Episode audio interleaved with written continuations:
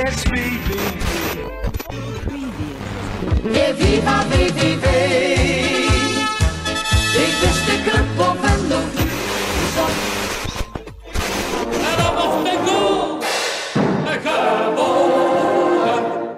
Een lange, hardwerkende middenvelder met uitschuifbare benen was een van de beste Nederlandse voetballers in de jaren 50 en het begin van de jaren 60. Een Venlonaar bovendien. Jan Klaassen was zeker niet de meest technische speler uit zijn tijd. Hij moest het hebben van zijn werklust en zorgde voor balans in het team door tot het einde te blijven gaan. Als trouwe luitenant van spelers als Abel Enstra, Vaas Wilkes en Koen kwam hij tot 57 interlands. Klaassen won de beker en de zilveren bal met VVV en werd met Feyenoord kampioen van Nederland. Sinds 2004 heeft hij een standbeeld voor Stadion de Koel. En vanaf zaterdag is er het boek Sportman, de biografie van Jan Klaassen. Voor linkshalf Jan Klaassens was het een vreugdevol moment toen hij in de 36e minuut voor de eerste maal in 41 interlandwedstrijden een doelpunt scoorde. Hij vierde dit succes onmiddellijk hierna met een druk bezochte receptie op het middenveld.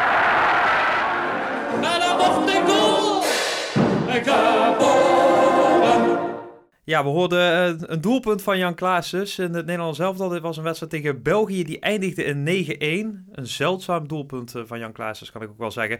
En ik eh, zit hier met uh, van der Veen, de schrijver van het boek Sportman, de biografie van Jan Klaassen, die komende zaterdag verschijnt.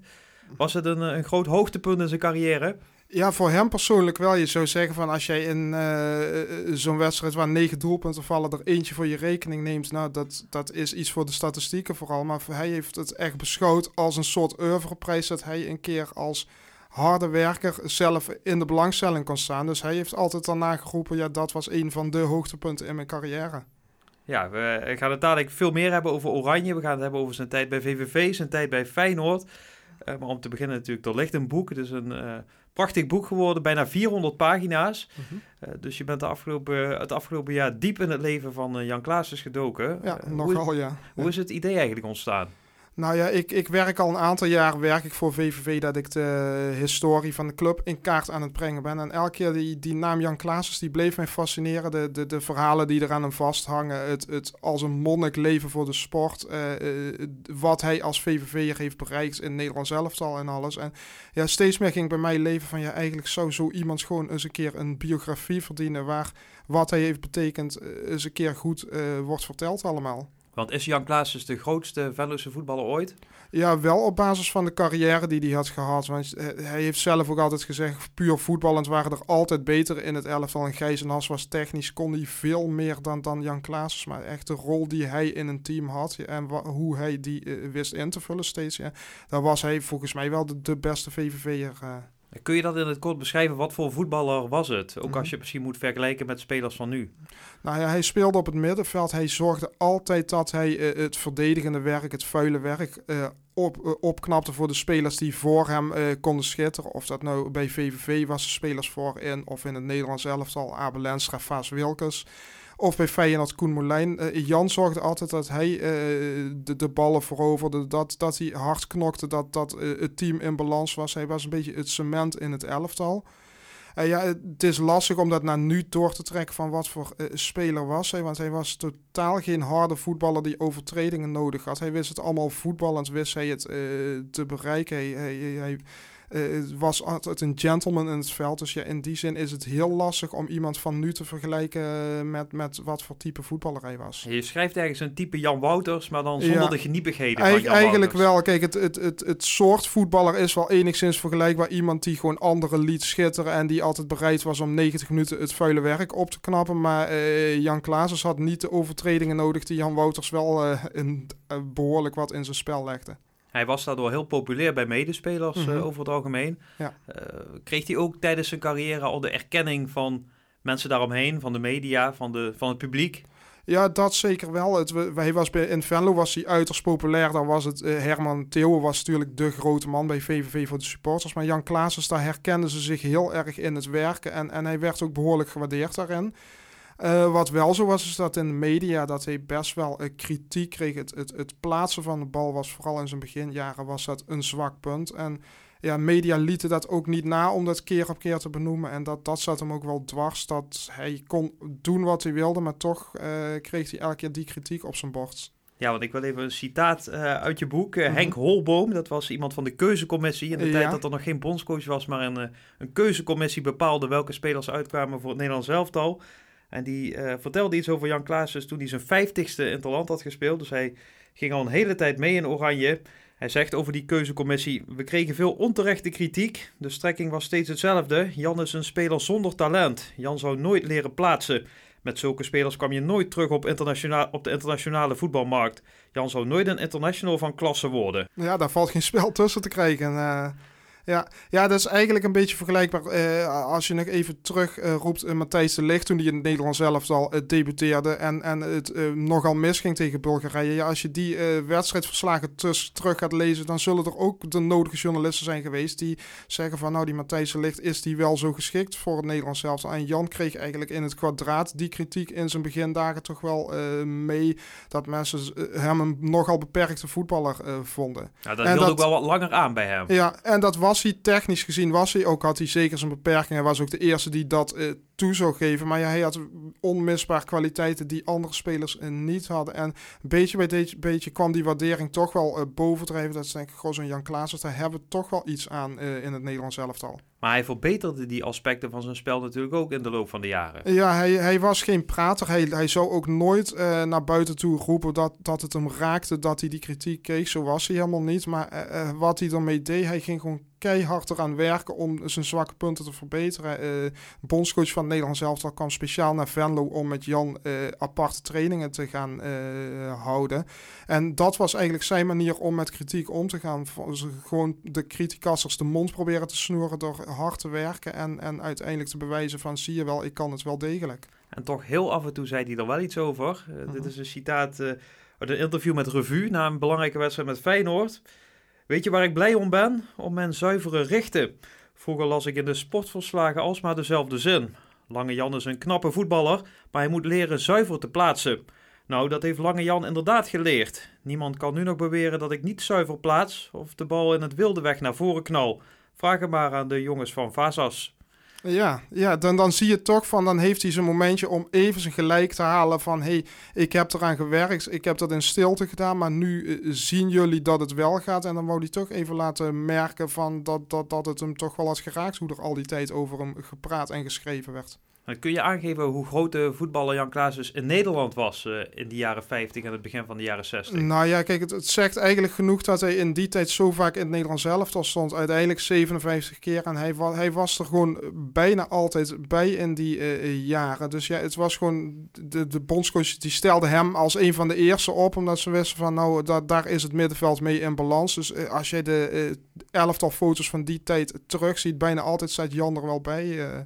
Er waren een paar voetballers die natuurlijk veel beter waren en, en, en die het echte publiekspelers waren. Abel Lenstra, Vaas Wilkes, Kees Rijvers. Maar ja, Jan was in zijn hoedanigheid was hij wel gewoon een heel belangrijke speler in zijn tijd. 57 interlands uiteindelijk mm -hmm. gespeeld. En het was nog geen tijd waarin er jongens waren die boven de 100 uitkwamen. Nee, nee, zeker niet. Kijk, als je met Nederland vijf of zes keer in een jaar een interland speelde, dan was het al een uh, best wel uh, productief jaar daarin. En uh, Nederland zelf al deed nooit mee aan de WK's. Dat lukte niet om zich te kwalificeren.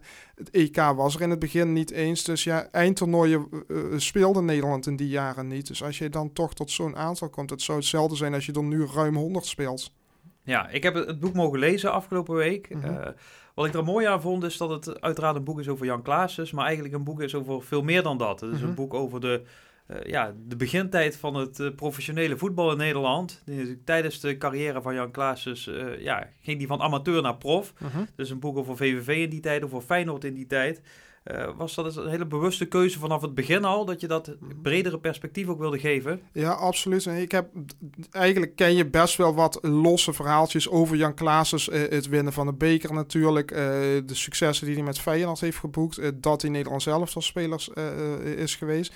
En die dingen wilde ik eigenlijk een beetje in het perspectief plaatsen van, goh, in wat voor tijd was hij nou voetballer? Hoe ging dat allemaal in zijn werk? Want in Venlo was het ook een behoorlijk roerige periode met de invoer van het profvoetbal. En ik heb eh, eh, geprobeerd om dat een beetje in verband met elkaar te brengen. Dat, dat, dat, er, dat mensen ook kunnen lezen van hoe zag het eh, voetbal in die tijd eruit in Nederland. Ja, want iedereen weet denk ik wel, veel mensen in Venlo weten wel dat Alkmaar-Venlo eh, de Mhm. eerste profwedstrijd in eh, Nederland was. Ja. Daar deed Jan Klaas dus niet mee, hè? Nee, nee, want hij was eh, VVV'er in hart en nieren. En eh, kort daarvoor was de sportclub Venlo opgericht die als doel had eh, profspelers naar Venlo te halen. En eh, Jan werd wel meerdere keren gevraagd om bij eh, Venlo te gaan spelen. Maar hij wilde niet eh, weg bij VVV. Had hij meerdere redenen voor. Maar zodoende was hij nog even amateur in een tijd dat bijvoorbeeld Herman Theeuwen al profvoetballer was. Want die waagde wel de overstap.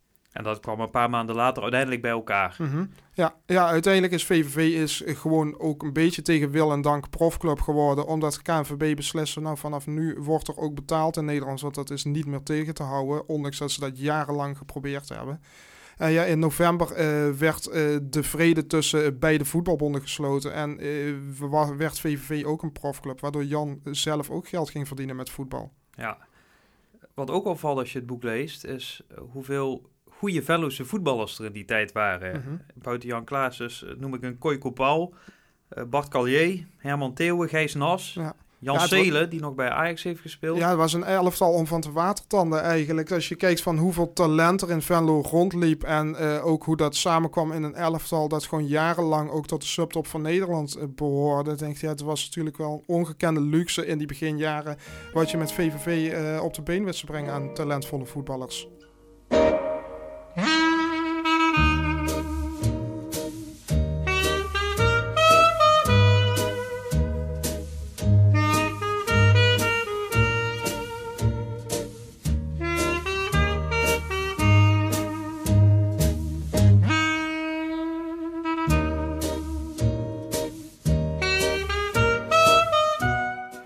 Nadat eerst Enschede met 2-0 wordt verslagen en in het weekend daarna VVV wint van DOS met 2-1 en gelijk speelt tegen Feyenoord 1-1, wordt tot ieders verbazing de finale gehaald.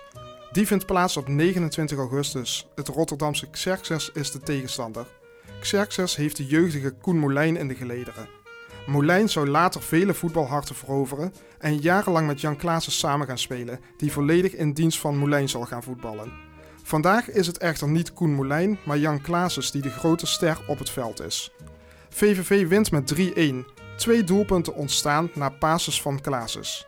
In de kranten wordt vol lof over de Venlonaar gesproken. Hij wordt geprezen vanwege de vele bergen werk die hij verricht. Klaassen doet dat, zo staat te lezen, eh, met een elan dat bewondering afdwingt. Jan Klaassen wordt omschreven als de ziel van VVV. Volgens de pers kan de zilveren balzegen dus voor een flink deel op het konto van Klaassen worden geschreven. Zoals altijd bij dit soort loftuitingen reageert Jan bescheiden over zijn rol. Och, ik had toevallig een bijzonder gelukkige dag. Het speciale aan Klaassen is alleen dat hij opvallend vaak dit soort gelukkige dagen heeft. Ja. Ja. Een belangrijke prijs in de clubhistorie van VVV. Ja, nogal. eh, ja, de zilveren bal was in die tijd eigenlijk het belangrijkste eh, bekertoernooi. eh, veel belangrijker dan, dan de KNVB-beker. Dus ja, het was eigenlijk een hoofdprijs in een tijd dat het met VVV slecht ging. Tot ieders verbazing wist de club die zilveren bal te winnen. Ja, dat, dat is dus een van de grote hoogtepunten ook van de voetballoopbaan van Jan. Ja, misschien niet zo bekend bij de mensen, omdat die zilveren bal daarna heel snel Mhm. aan waarde verloor. Het was eigenlijk Ja. het laatste seizoen dat, die, ja, dat het Ja, zo'n belangrijk toernooi was. Ja, het was een puur amateur eh, toernooi. Er mochten alleen maar amateurverenigingen eh, meedoen. En ja, in die roerige zomer van 1954 eh, begon het profvoetbal in Nederland. Dus ja, een jaar daarna was Zilverbal eh eh, verloor eh, behoorlijk haar glans. Want ja, ze hadden nog steeds zoiets, ja, maar bij ons mogen alleen amateurploegen meedoen. Dus ja, alle profclubs, die konden voortaan niemand deelnemen. Hoe groot was eh, VVV in die eerste jaren van het profvoetbal in Nederland? Ja, het was gewoon een redelijk eh, subtopper die altijd in het eh, linker rijtje van de Eredivisie eh, wist te finishen. Dus een, een, een stabiele middenmotor, af en toe een uitschieter naar boven. En eh, ze wisten elk jaar toch weer een elftal eh, op de been te krijgen dat, dat meedeed om een eh, aardige plek in de subtop. En het was vooral ook een club met ambitie om nog meer eruit te halen. Eh, jo van Dalen was voorzitter en die, die had de ambitie om van VVV echt een, een, een club met uitstraling. Dat, dat is gewoon een landelijk interessante club zou worden. Ja, en dat, dat blijkt ook wel onder andere uit de komst van Vaas Wilkes. Ja, ja. Jan Klaassen speelde helemaal niet alleen bij Feyenoord en bij Oranje met grote namen, Mhm. maar dat gebeurde bij VVV dus ook. Ja, Ja, dat is wel een heel bijzondere mijlpaal. Want andere clubs, Vaas Wilkes was een uh, verdette in het buitenland. Hij had in Italië gevoetbald bij Spanje. En hij had eigenlijk zoiets, ja, ik wil nu de profvoetballers in Nederlands. Wil ik wel uh, op zijn Nederlandse veld het laten zien. Maar er was één probleem. Vaas Wilkes was het gewend om nogal veel geld te verdienen. Wat in Nederland bijna geen enkele clubs durfde te permitteren. En Jo van Dalen had zoiets, ja, we gaan onze nek uitsteken. Vaas Wilkes die gaat heel veel publiek trekken. Dus wij gaan het wel doen. En, en dus kwam uh, de grote Nederlandse elftalverdette kwam in Venlo te voetballen. Kun je zeggen dat het, het vele geld wat VVV die jaren uh, heeft uitgegeven... Uh, misschien ook wel een beetje samenhangt met uiteindelijk het vertrek van Jan Klaassen? Mm -hmm. Ja, want er, zit eh, in die tijd al meerdere periodes dat het financieel erg slecht met VVV uh, ging. Dus ja, die conclusie mag wel getrokken worden dat het VVV van de jaren 50 op te grote voet heeft geleefd. Dat ze uh, salarissen betaalden die ze eigenlijk niet konden permitteren. En uh, Vaas Wilkes was dan wel een grootverdiener die een veelvoud van de rest van de selectie kreeg. Maar ja, de rest van de selectie ging er ook de, gingen meer verdienen omdat Vaas er was die, die maakte zich ook hard voor dat de overige uh, spelers toch wel iets meer geld uh, overhielden aan een prof uh, bestaan. Maar ja, achteraf bleek dat VV zich dat helemaal niet kon permitteren en had de club dringend geld nodig. En dat zorgde uiteindelijk ervoor dat Jan Klaasens tegen wil en dank bij VVV vertrok. Ja, tegen wil en dank zeg je. Was mm -hmm. dat echt zo of vond die Feyenoord toch ook wel een hele mooie stap in zijn Nou carrière? ja, toen, toen die eenmaal had getekend, zag hij het ook best wel zitten om uh, zich helemaal omringd met alleen maar topvoetballers. Uh, dat, dat was toch wel een, een droom van hem. Maar als je in zijn hart keek, had hij nooit uit Venlo weggehoeven. Had hij het naar zijn zin bij VVV en... Het, het, was meer dat de club met Feyenoord ging praten van uh, we hebben dringend geld nodig en Feyenoord had wel oren na om, om Jan Klaasens binnen te hengelen. En dus uh, is hij zelf uiteindelijk met Feyenoord gaan praten. En toen pas raakte hij enthousiast van... hé, hey, misschien is het toch wel wat om, om, om in Rotterdam te gaan voetballen. Die overstap naar Feyenoord was de zomer van 1959. Ja. Een paar maanden eerder. Misschien wel het hoogtepunt in Venlo's mm -hmm. dienst. Natuurlijk, wat iedereen weet, de winst van de KVB-beker. Mm -hmm.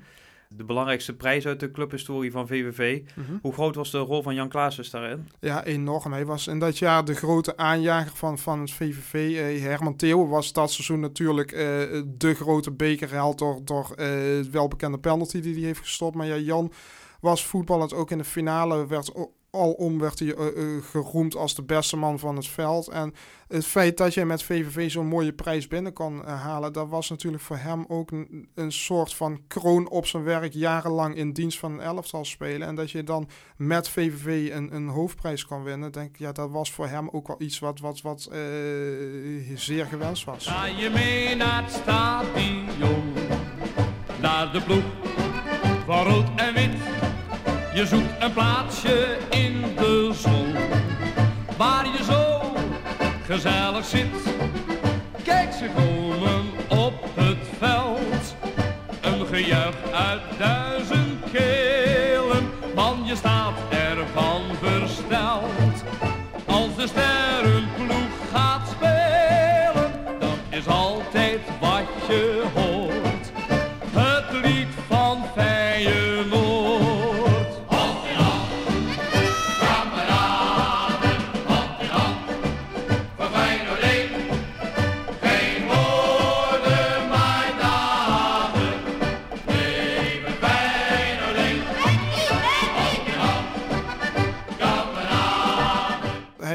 In 1954 eigenlijk een beetje parallel aan het uh, profavontuur had hij zijn eigen sigarenwinkel geopend. Wat voor hem verreweg de belangrijkste bron van inkomsten was. Daar uh, hield hij veel meer over dan met het voetbal. En dat was voor hem ook al een vereiste van ja, ik wil wel bij Feyenoord komen uh, voetballen. Maar mijn sigarenwinkeltje, dat ga ik niet wegdoen. Dus toen hebben ze een mooi akkoord bereikt dat Jan bij VVV bleef trainen. Alleen op vrijdag uh, trainde hij in Rotterdam en de wedstrijden speelde hij natuurlijk daar. Maar voor de rest bleef hij eigenlijk vooral Venlonaar. Ja, dat is een situatie die je tegenwoordig helemaal niet meer kunt voorstellen. Ik denk niet dat er nog een transfer te bedenken is dat dat uh, op zo'n manier in zijn werk gaat. En die reis van uh, Venlo naar Rotterdam, hoe mm -hmm. ging dat in die tijd in zijn werk? Nou ja, het was natuurlijk niet zoals nu dat je met snelwegen dat je er binnen de kortste uh, keren was. Dus het was best wel een heel avontuur. Daarom gingen veel clubs ook uh, met de trein nog naar wedstrijden, omdat dat vaak makkelijker was. Dus Jan moest via allerlei provinciewegen moest hij uiteindelijk Rotterdam zien te bereiken. had hij wel een, goede vriend van hem eh, die zijn vaste chauffeur was. Dus het was niet dat hij altijd eh, zelf hoefde te rijden. Maar ja, het was toch wel een behoorlijke onderneming om in Rotterdam te komen en weer terug naar Venlo te gaan. Ja, grote successen eh boekt hij in zijn eh Feyenoord-tijd. Jij Mhm. omschrijft in het boek ook wat voor club Feyenoord in die jaren was. Ja. Ja. ja, Feyenoord had één groot probleem. Ze hadden een immens stadion, maar er kon jarenlang kon dat kapitaal wat de club had, kon niet verzilverd worden, omdat ze spelers nog niet eh, mochten betalen. Dus op het moment dat er profvoetbal in Nederland kwam, eh, begon voorzitter Cor Kieboom begon aan een project om, om topvoetballers naar Rotterdam te lokken met eh vorstelijke salarissen. En Dat waren in eerste instantie de echte sterren, de aanvallers. ja, in eerste instantie eh, zetten ze vooral in van nou, we moeten spelers die de mensen naar het stadion weten te hebben, de echte voetballers die iets met de bal kunnen en waar mensen van genieten. Koen Molijn bijvoorbeeld werd aangetrokken. En dat zorgde wel voor een hoop sensatie en een hoop doelpunten. Maar ja, er ontbrak duidelijk iets aan het elftal. Want Feyenoord kreeg nogal wat doelpunten tegen. Het waren vooral eh, eh, mooi weer voetballers. En de power die ontbrak in het elftal. En daar was Jan dus een zeer belangrijke schakel in die ervoor zorgde dat er veel meer balans in het Feyenoord eh, van toen kwam. Hij kwam in 1959 en eigenlijk snel genoeg daarna eh, Mhm. zag je ook de stijgende lijn bij Feyenoord. Ja, want de jaren daarvoor was Feyenoord hooguit een subtopper. En dan kregen ze er soms wel 70 doelpunten kregen ze om de oren. En het eerste beste jaar dat Jan Klaassen eh, kwam, eh, kwam ook eh, wat meer eh, power in het elftal. Met eh Reinier Kreijermaat die op het middenveld met Jan ging spelen. En dat zag je ook meteen terug. Feyenoord streed mee om titel. Op, op een haar na werden ze landskampioen eh, dat jaar. En het aantal tegendoelpunten, dat werd eh, een heel stuk minder. Dus ja, het was gewoon een meesterzet van eh Kieboom om dat soort voetballers naar Rotterdam te halen. En in zijn tweede jaar lukte het helemaal. In zijn tweede jaar werd, eh, werd, de landstitel na 21 jaar weer behaald. Dus het was, was eindelijk dat er in Rotterdam-Zuid weer iets te vieren eh, viel. Sparta was een paar jaar eerder wel nog kampioen geworden. Maar Feyenoord wachtte er al sinds 1940 op. En ja, eindelijk lukte het Feyenoord weer eens om de landstitel te veroveren. Ja, Jan Klaassen maakt ook onderdeel uit van een heel bijzondere eh Feyenoord-selectie die twee keer op rij Mhm. eh, kampioen is geworden. Ja. Want ook in 1962 eh, werd eh, Feyenoord kampioen. Toch stond dat jaar voor Jan Klaassen niet alleen maar in het teken van hoogtepunten. Nee, nee, want hij was er uiteindelijk kon hij erbij zijn bij de landstitel. Maar ja, de hele aanloop er naartoe, de eh, fase in het seizoen dat de titel veroverd moest worden, heeft hij vanuit zijn ziekenhuisbed beleefd. Want Jan kreeg in maart een ernstig auto-ongeluk, waardoor hij eigenlijk de cruciale fase van het seizoen niet meer erbij kon zijn. Ja, die herstelperiode van dat eh, auto-ongeluk loopt eigenlijk als een rode draad door, een, eh, door een groot deel van het boek. Want je Mhm. Ja. schakelt steeds tussen momenten uit zijn carrière en dat herstel en dat ziekenhuisbed. Hij heeft weken stil moeten liggen in het Mhm. bed in het ziekenhuis. Ja, want dat, de manier waarop hij na zijn ongeluk ermee om is gegaan en hoe hij ook terug is gekomen als eh, Nederlands elftal voetballer zelfs weer, dat vond ik zo typerend voor eh, het karakter dat hij had. Hij was een ultieme knokker, een vechter die eh, wist wat hij wilde bereiken en daar alles voor over had. En ja, dit was toch wel de ultieme strijd voor hem, dat hij gewoon wekenlang doodstil in bed op zijn rug moest liggen, zich, zijn hoofd mocht geen millimeter bewegen en ja, dat was voor, hij heeft uiteindelijk ook eh, gezegd van nou, dat was gewoon verreweg de zwaarste wedstrijd die ik in mijn leven heb moeten eh, spelen. Was het idee op dat moment dat hij waarschijnlijk nooit meer aan voetballen toe zou komen? Ja, want hij, hij, had, eh, lag er inderdaad als een geslagen bokser. Zijn, zijn, hele eh, nek was eh, aan God. En als het te lang zou duren om te herstellen, dan zou hij voor de rest van zijn leven sowieso zijn nek niet meer goed hebben kunnen bewegen. Dus mensen zeiden ook al van, nou Jan, als jij het ziekenhuis weer uitkomt en je kan weer normaal lopen en alles, dan mag je al heel erg blij zijn. Want in die tijd was het natuurlijk ook niet zo dat de medische voorzieningen zo waren dat je daar weer even makkelijk uit zou komen. Dus de meeste mensen hadden zoiets van, nou die Jan gaan we als profvoetballer niet meer terugzien en al zeker niet meer op het niveau dat we gewend waren. Ja, hij kwam dus wel terug. Mhm. Eh, hij was al uit het ziekenhuis op het moment dat inderdaad Feyenoord die tweede titel pakte. Ja. Werd ook nog toegejuicht in het stadion. En Mhm. eh, die zomer heeft hij gebruikt om helemaal te herstellen en terug te komen het jaar daarna. Ja, Ja. Feyenoord werd geen derde keer op rij kampioen, maar beleefde Mhm. wel een heel bijzonder seizoen in de Europa Cup. ja, ja, dat was het allereerste seizoen dat een Nederlandse club het eh, in, in eh, Europees verband goed deed. Dat Feyenoord van toen be- bereikte de halve finale van de eh, toen nog Europa Cup 1. En ja, dat, dat zorgde er ook voor dat dat legioen waar Feyenoord nu zo eh, eh, bekend om staat. Dat, dat seizoen gingen ze de club massaal volgen naar het buitenland. Eh, er zijn in een wedstrijd in België zijn er duizenden supporters zijn er menig geweest. En ja, de climax werd bereikt toen Feyenoord in de halve finale tegen Benfica uh, speelde. Er zijn er twee reusachtige uh, boten naar Lissabon gegaan, vol met Feyenoord supporters. En daar staat nog steeds wel een beetje symbool voor de Feyenoord-manie die er onder supporters is, die een club overal en altijd steunen. Ja, de, de spelers gingen zelfs kijken naar de aankomst van die boten. Ja, ja, ja. Ja, want die boten die, die waren natuurlijk de hele tijd onderweg voordat ze daar uh, waren. Dagenlang hebben ze op zee gezeten om, om, om hun Feyenoord te volgen. En uh, de Feyenoord-trainer vond het wel een goed idee om dan naar de kade in Lissabon te gaan en boten op te wachten. En ja, die boot die werd dan, kwam aan waar je de hele tijd hand in hand kameraden er hoorde. En ja, dat was natuurlijk al een heel aparte ervaring zoiets.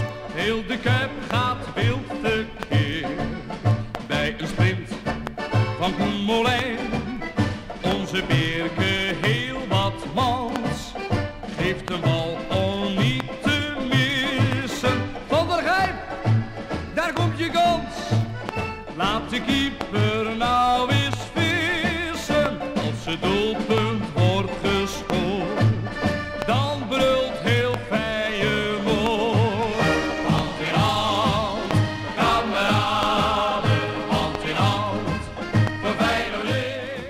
hoogtepunt weer, eh, die, die halve finales in de Europa Cup tegen Benfica. Kunnen we zeggen dat dat voetbaltechnisch misschien ook het laatste hoogtepunt was in de carrière van Jan Klaassen?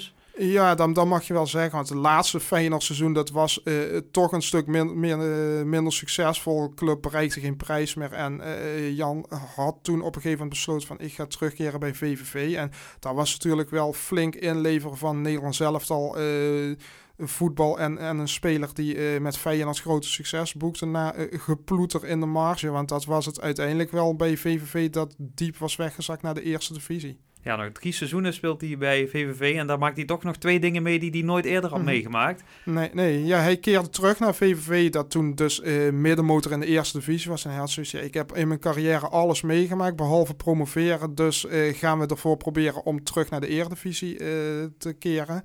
Maar ja, het tegenovergestelde gebeurde. VVV degradeerde en dus zakte VVV af naar de tweede divisie, dat toen ook nog profvoetbal was. En uh, zo kon het gebeuren dat Jan op het allerlaagste uh, profniveau in Nederland ging spelen. En dat zorgde er in zijn laatste seizoen wel voor dat hij toch nog een promotie mee kon maken. Want VVV promoveerde na de eerste divisie. De allerlaatste wedstrijd van Jan Klaassen in het betaald voetbal. Ja, waar hij zelf ook nog eens voor een doelpunt zorgde. Uit bij Hilversum zorgde Jan Klaassen voor de bevrijdende 0-2. Waardoor VVV terug kon keren naar de eerste divisie.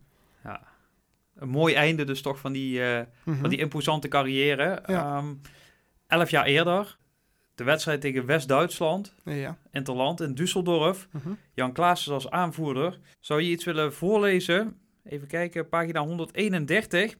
Over de wedstrijd die misschien wel het grootste hoogtepunt uit zijn carrière is. West-Duitsland, Nederland. Ja. Uh, de spelers strijken een winstpremie van maar liefst 250 gulden op. Maar dat is niet wat telt. Nederland heeft het hele land trots gemaakt.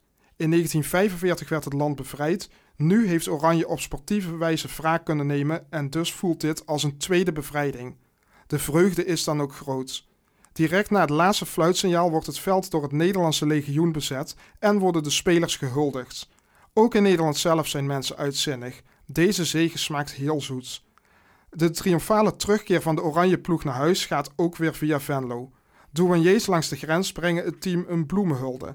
Langs de Kaldekerkenweg staan mensen te zwaaien. Het Venlose gemeentebestuur organiseert in allerijl een ontvangst voor de Oranje spelers, waarop burgemeester Van Rooij op ludieke wijze het succes verklaart door erop te wijzen dat de voorbereiding in zijn stad had plaatsgevonden. Na een afscheidsdiner in Hotel Wilhelmina is het eerste grote naoorlogse voetbalfeest voorbij. Hoe bijzonder de zege is, blijkt wel uit het feit dat de volgende overwinning tegen West-Duitsland pas 32 jaar later plaats zou vinden. In 1988 treden Marco van Basten, Ruud Gullit en de rest van het de gouden EK-generatie in de voetsporen van het team van aanvoerder Jan Klaassen. Later blikt Klaassen terug op die memorabele zege en alles wat daarbij hoorde. Ik had de impasse van het Nederlands elftal meegemaakt. Een team zonder veel resultaten, zonder grote spelers. Die waren in het buitenland. Toen kwam Düsseldorf, boordevol Nederlandse supporters. Een Nederlandse stad in Duitsland. We wonnen. Ik werd op de schouders van supporters van het veld gedragen. Die wedstrijd, die tegenstander, die sfeer, ik heb dat nooit meer zo meegemaakt. Ik zal het ook nooit meer vergeten. Ja, een absoluut hoogtepunt eh, in de carrière van Jan Klaassen. Ja. En eh, zo staan er nog veel meer in het boek eh, Sportman, de Mhm. biografie van Jan Klaassen. Zaterdag is de presentatie na afloop van de Herman Theo Memorial. Ja, want die dag wordt het boek van Gerrit van der Vos over Herman Theeuwen wordt 's smiddags gepresenteerd. Dus ja, we hebben een beetje met passen en meten hebben we ervoor gezorgd dat alles op één dag plaatsvindt. Dus na de Herman Theo Memorial wordt dit boek gepresenteerd.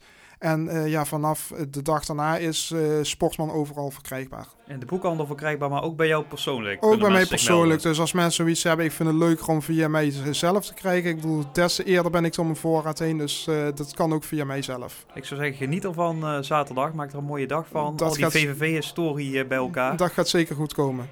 Wij zijn er volgende week weer en dan gaan we vooruitblikken op het nieuw seizoen VVV. In aanloop naar de eerste wedstrijd VVV-RKC is dat, volgende week zaterdag. Eh, dus dat zijn we, dan zijn we er weer. Eh, tot volgende week. Trap flink de bal naar voren. Hup, hup, hup, VVV. En dan mocht de goal. een goal.